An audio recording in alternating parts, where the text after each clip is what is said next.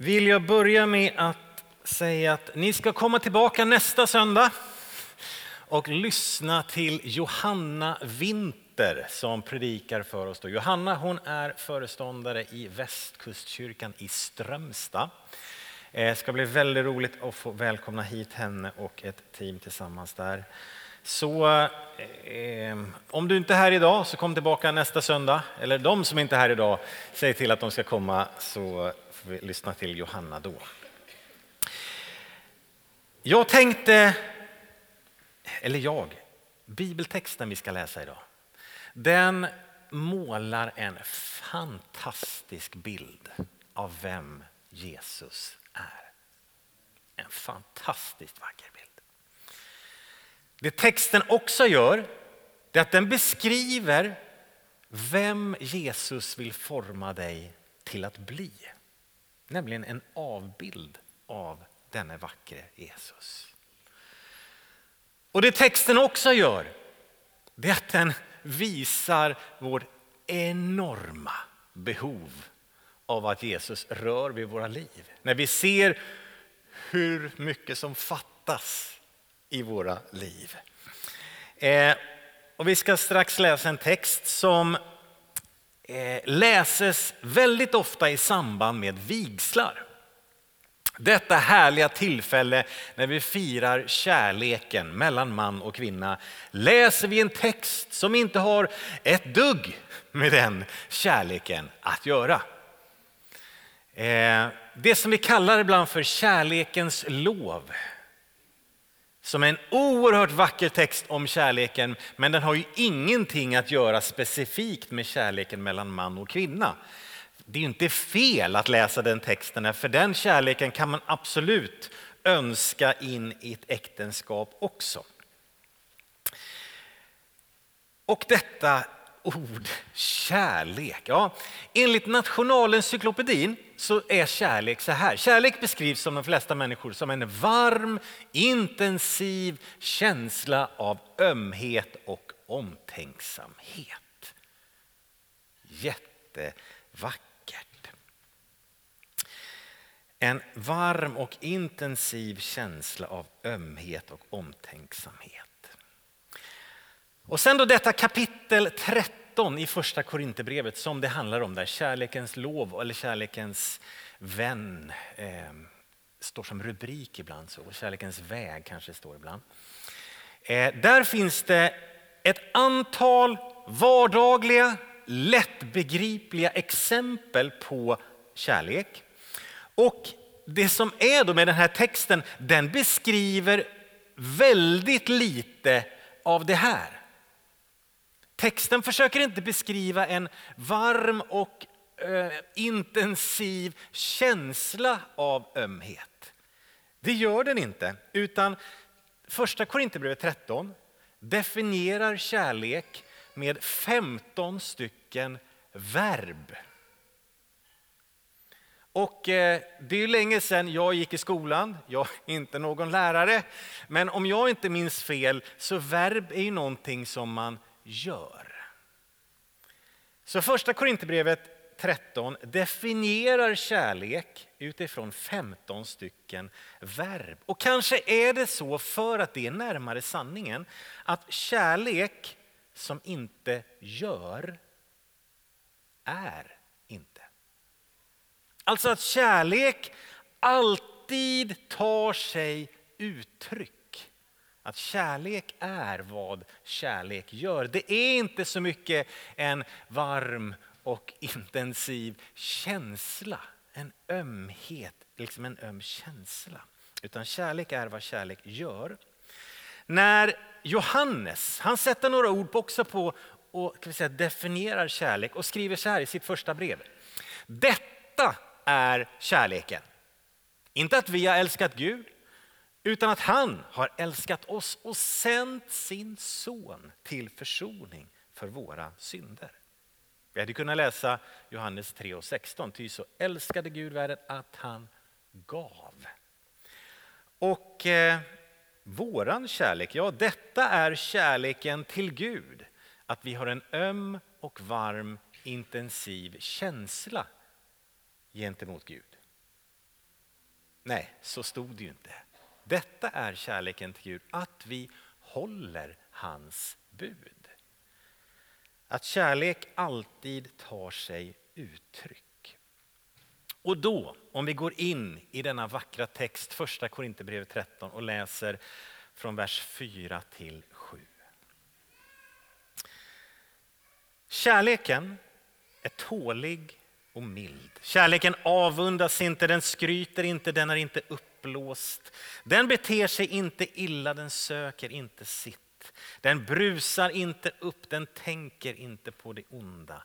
Den gläder sig inte över orätten, men gläds med sanningen. Allt bär den, allt tror den, allt hoppas den och allt uthärdar den. Det här är ju exempel som är ganska vardagsnära på ett sätt. De är inte svåra att förstå. Och eh, det är vackert och önskvärt. Vem skulle inte vilja vara så här, alltså, vem skulle inte vilja vara en kärleksfull människa? Räck upp handen så ska vi be lite extra för dig idag. Du som inte vill vara en kärleksfull människa. Det är klart vi vill det allihop. Och samtidigt när man läser en sån här text så tänker jag så här att jag är ju inte riktigt där. Det fattas lite hos Jörgen. För det blir oändligt svårt för mig som människa, det blir väldigt, väldigt svårt för mig som kristen också liksom att typ byta ut ordet kärlek mot jag. Pröva, ska du se. Jag är tålig och mild. Det är några som snubblar redan där. Jag avundas inte och jag skryter inte, jag är inte uppblåst. Jag beter mig inte illa. Jag söker inte mitt, jag brusar inte upp. Ja, några hukar där också. Jag tänker inte på det onda. Den raden kan kanske närmare grundtexten och som en del bibelöversättningar väljer är att håller inte räkningen på det onda. Alltså jag tänker inte på det onda som du har gjort mot mig. Jag gläder mig inte över orätten men jag gläds med sanningen. Och om du har tyckt att du har hängt med hittills, allt bär jag. Allt tror jag, allt hoppas jag, allt uthärdar jag.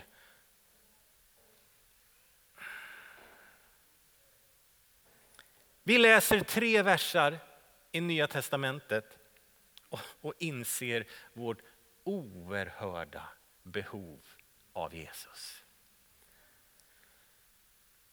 Att han rör vid mig, förvandlar mig. Gud, fräls mig. Förvandla mitt hjärta, gör mig mer lik dig. För att vi ser att det går inte att sätta in sig själv i detta. Det är inte en sann bild av vem jag är. Det är det däremot går att göra jättebra. Det är att byta ut kärleken mot någon annan, nämligen mot Jesus. Och så läser vi istället vad då? Jesus är tålig och mild. Han avundas inte, han skryter inte, han är inte uppblåst. Jesus beter sig inte illa, han söker inte sitt, han brusar inte upp. Han tänker inte på det onda, eller han håller inte räkningen på det onda. Jesus gläder sig inte över orätten, men gläds med sanningen. Allt bär han, allt tror han, allt hoppas han, allt uthärdar han. Och då passar det genast så mycket bättre. Det här är en beskrivning av vem Jesus Kristus från Nasaret är. Det här är ju den Gud som det står att Gud är kärlek. Och Gud är kärlek, blev människa i Jesus Kristus. Alltså är det här en bild av vem Jesus är. Så om du undrar, vem är denne Jesus? Varsågod, här har du porträttet. Hur är han? Ja men så här är han. En så oerhört vacker bild. Den här bibeltexten kanske inte skulle ha rubriken kärlekens lov, utan det är Jesu lov. Det är en hyllning till honom. Så på några rader, en text som målar upp en fantastisk bild av Jesus. Och så är det här också en bild av vem han vill forma dig till.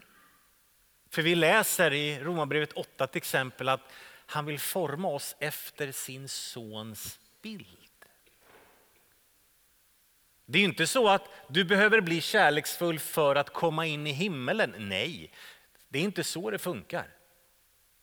Det är inte så att vi ska bli perfekta för att med lite tur komma in i det eviga. Nej, inte alls. Utan evigheten öppnar sig när vi säger Jesus, jag tar emot dig, förlåt mig. Det Jesus gör på korset, det räcker för varje människa som säger tack, jag tar emot. Där öppnar sig himlen.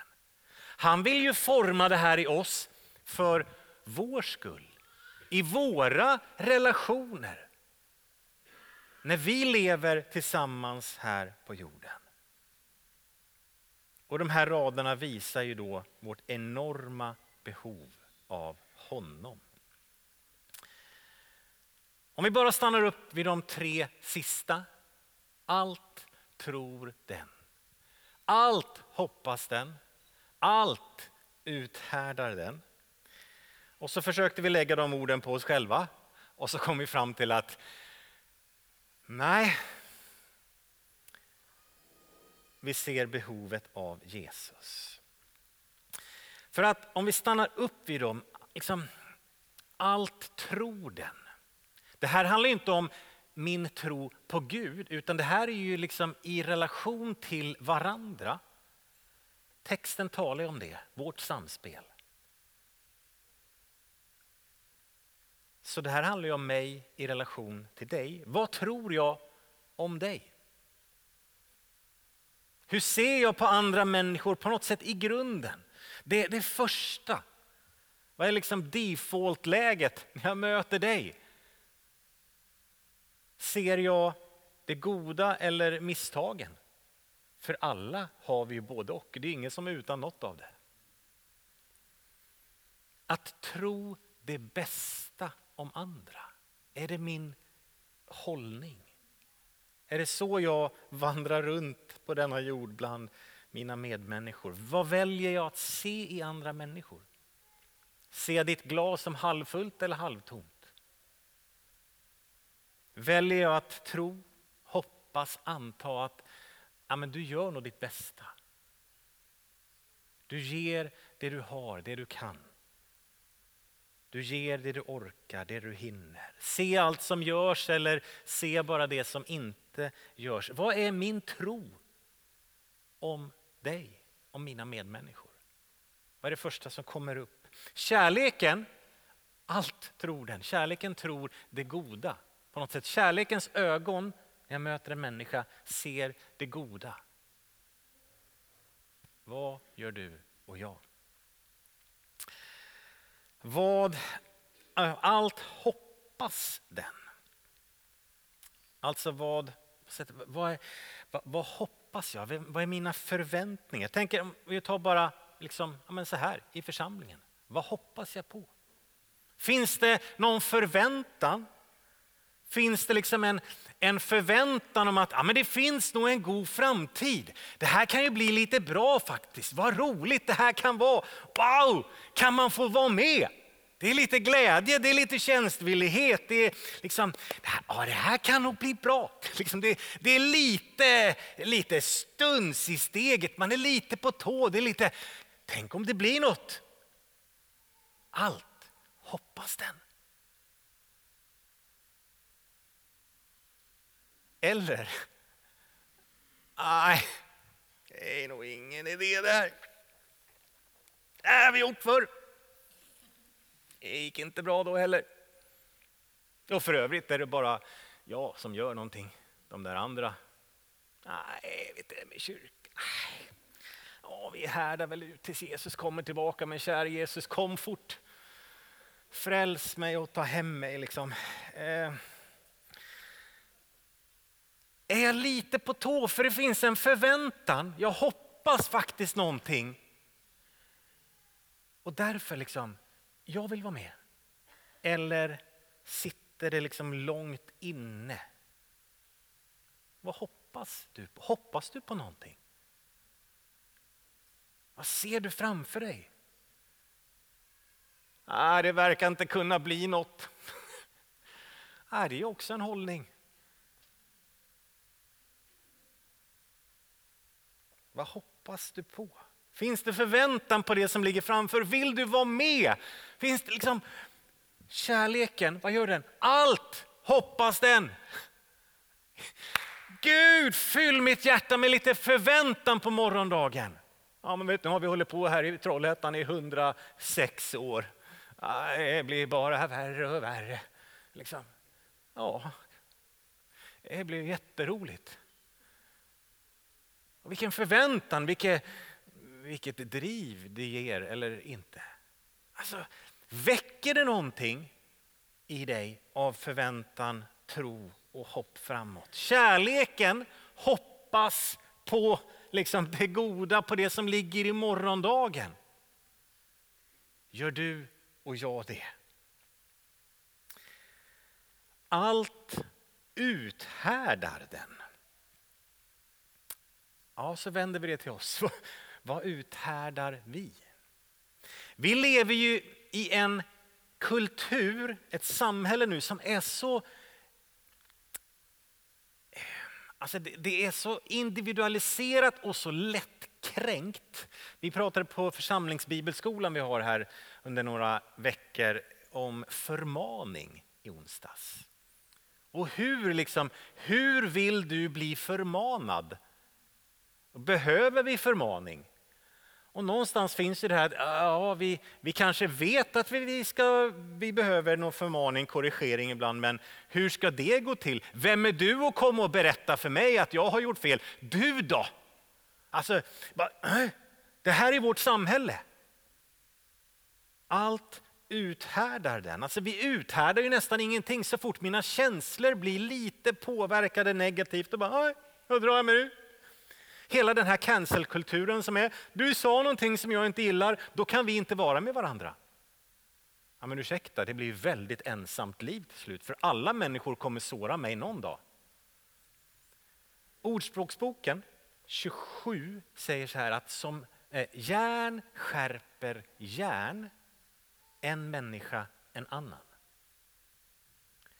Järn skärper järn en människa en annan. Alltså finns det någonting av att ett järn, tänk dig ett, en, en kniv eller ett svärd som slipas, som bryter. Det, liksom, det skrapar ju lite grann. Varför? För att få fram den här vassa äggen. Det blanka, det fina, det funktionella.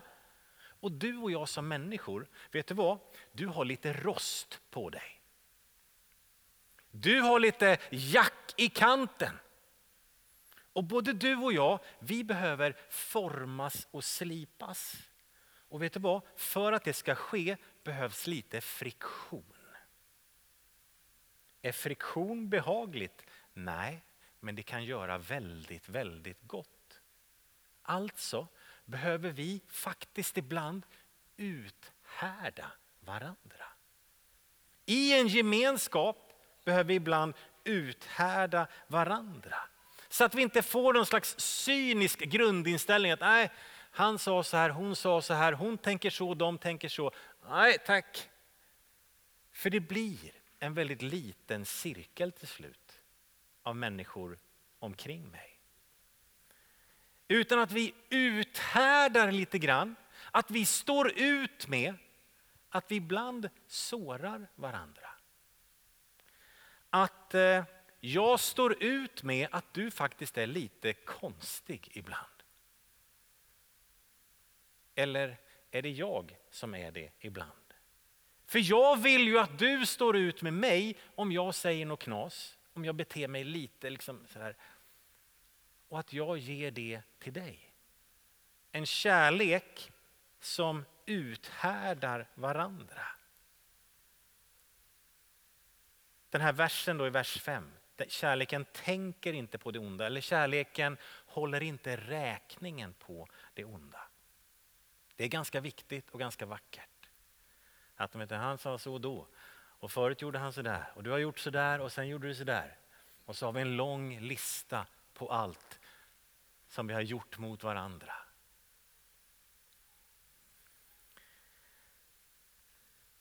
Petrus skriver i sitt första brev att kärleken överskyler en mängd, eller överskyler många synder. Kärleken överskyler många synder. Det är inte så att synden inte är allvarlig, det är inte så att synden inte gör ont och förstör, för det gör den. Det är därför som Gud liksom vill ha bort synden för oss, för den är alltid destruktiv.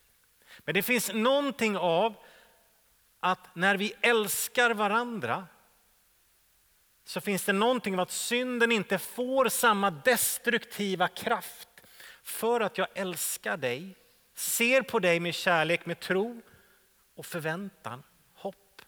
Så är det någonting som att, okej, okay, han gjorde si, hon gjorde så. Ja, vi går vidare. Gud, för, förlåt dem, jag förlåter dem. Gud liksom, någonstans det finns en, en vilja till förlåtelse, vilja till överseende med varandras misstag. Kärleken, allt tror den, allt hoppas den, allt uthärdar den. Då tar vi bort det här ifrån oss och så byter vi ut till det här namnet igen. Att kärleken är Jesus. Alltså Jesus tror allt om det. Jesus hoppas allt, Jesus uthärdar allt. Jesus tror det bästa om dig. Han om någon vet alla dina mörka hemligheter. Jag har sagt ibland här att det är vet, våra lik i garderoben. Jesus känner dem också för han är även i garderoben. Ja, men han känner dig och mig som ingen annan och så fortfarande älskar han dig och mig som ingen annan. Han vet allt ditt skräp och ändå så säger han, jag tror på dig.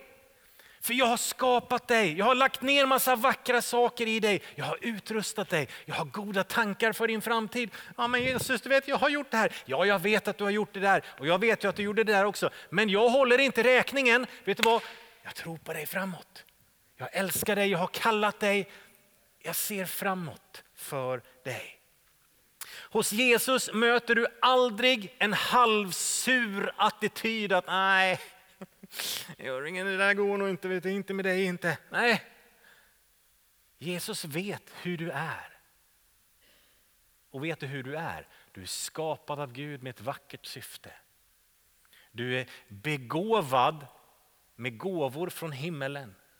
Du är tänkt att vara till stor välsignelse för andra människor. Det är hurdan du är. Och det vet Jesus, därför tror han på dig. Det är hans grundinställning, hans defaultläge när han möter dig. Jag tror på dig.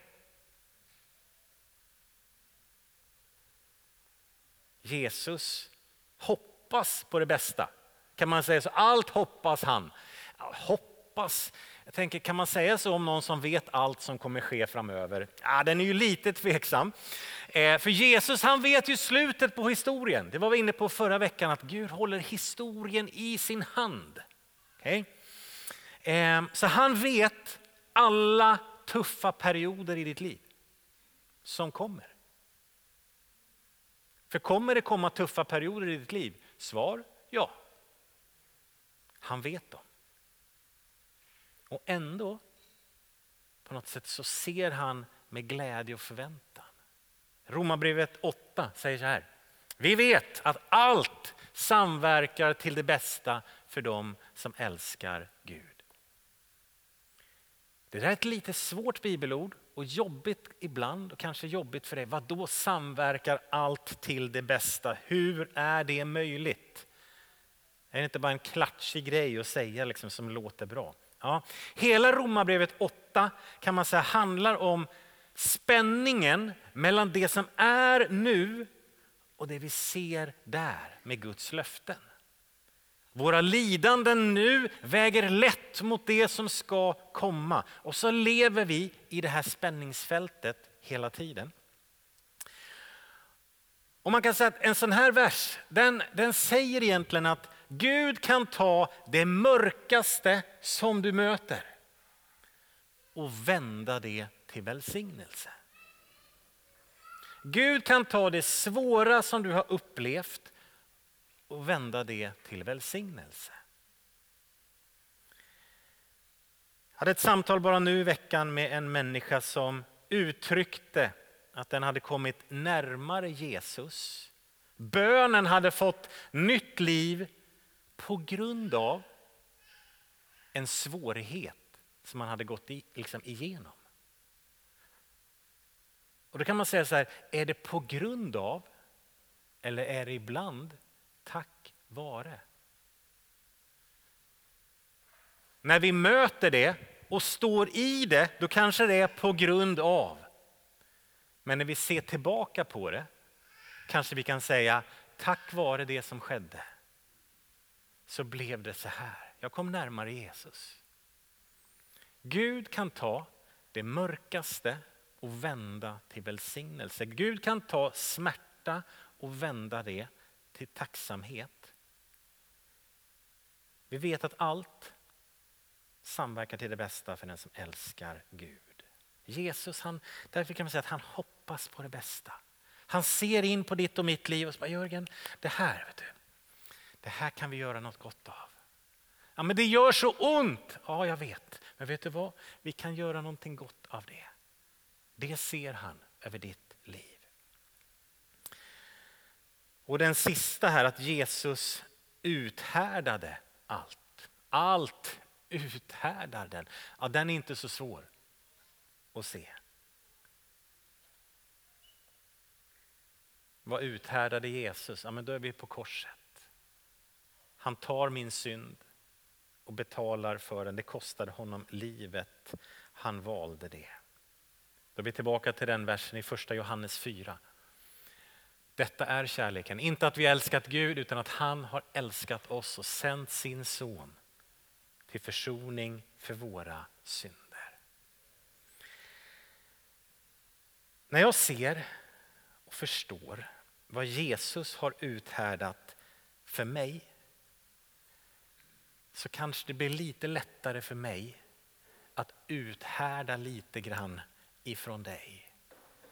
Att när vi ser nåden som vi har fått och vad det kostade honom med vårt skräp, med vår synd, med vårt elände så blir det lite lättare att ge varandra också lite nåd när vi sårar varandra.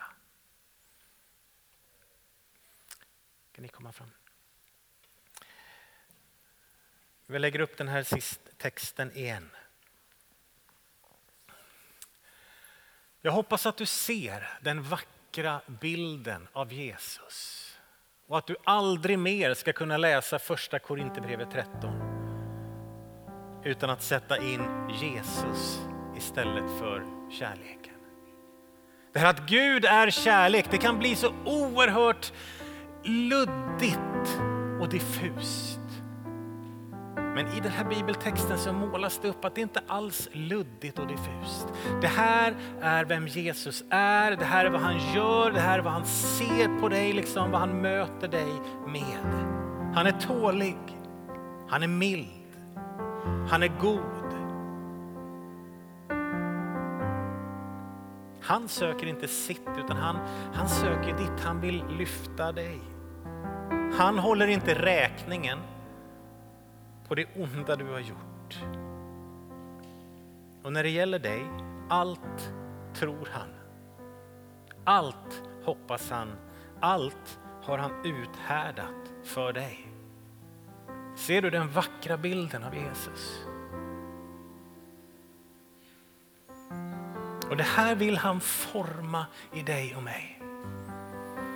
Och om du är som mig så vet du att du är en bit därifrån. Och att bönen väcks, Gud, förvandla mitt hjärta. Gör mig mer lika dig, för det här är inte en bild av mig än, men jag vill bli. Gud rör vid mig. Att vi ser vårt stora behov av att han berör oss. Som gör att vi kan älska varandra som han älskar oss. Vi kan tro det bästa om varandra. Vi kan fyllda av lite hopp och förväntan inför det som ligger framför. Och det ger oss lite motståndskraft att inte ge upp så lätt. När våra brister ställer till det i våra relationer. Utan att de istället säger att vi, Jesus han uthärdade ganska mycket från mig. Därför är jag beredd att uthärda lite grann ifrån dig också. Och som järn skärper järn så formas vi. Det blir lite mindre rostigt, det blir lite blankare, lite finare, lite mer funktionellt. För att vi låter varandra komma nära och ge varandra nåd. Ska vi resa oss upp och be tillsammans?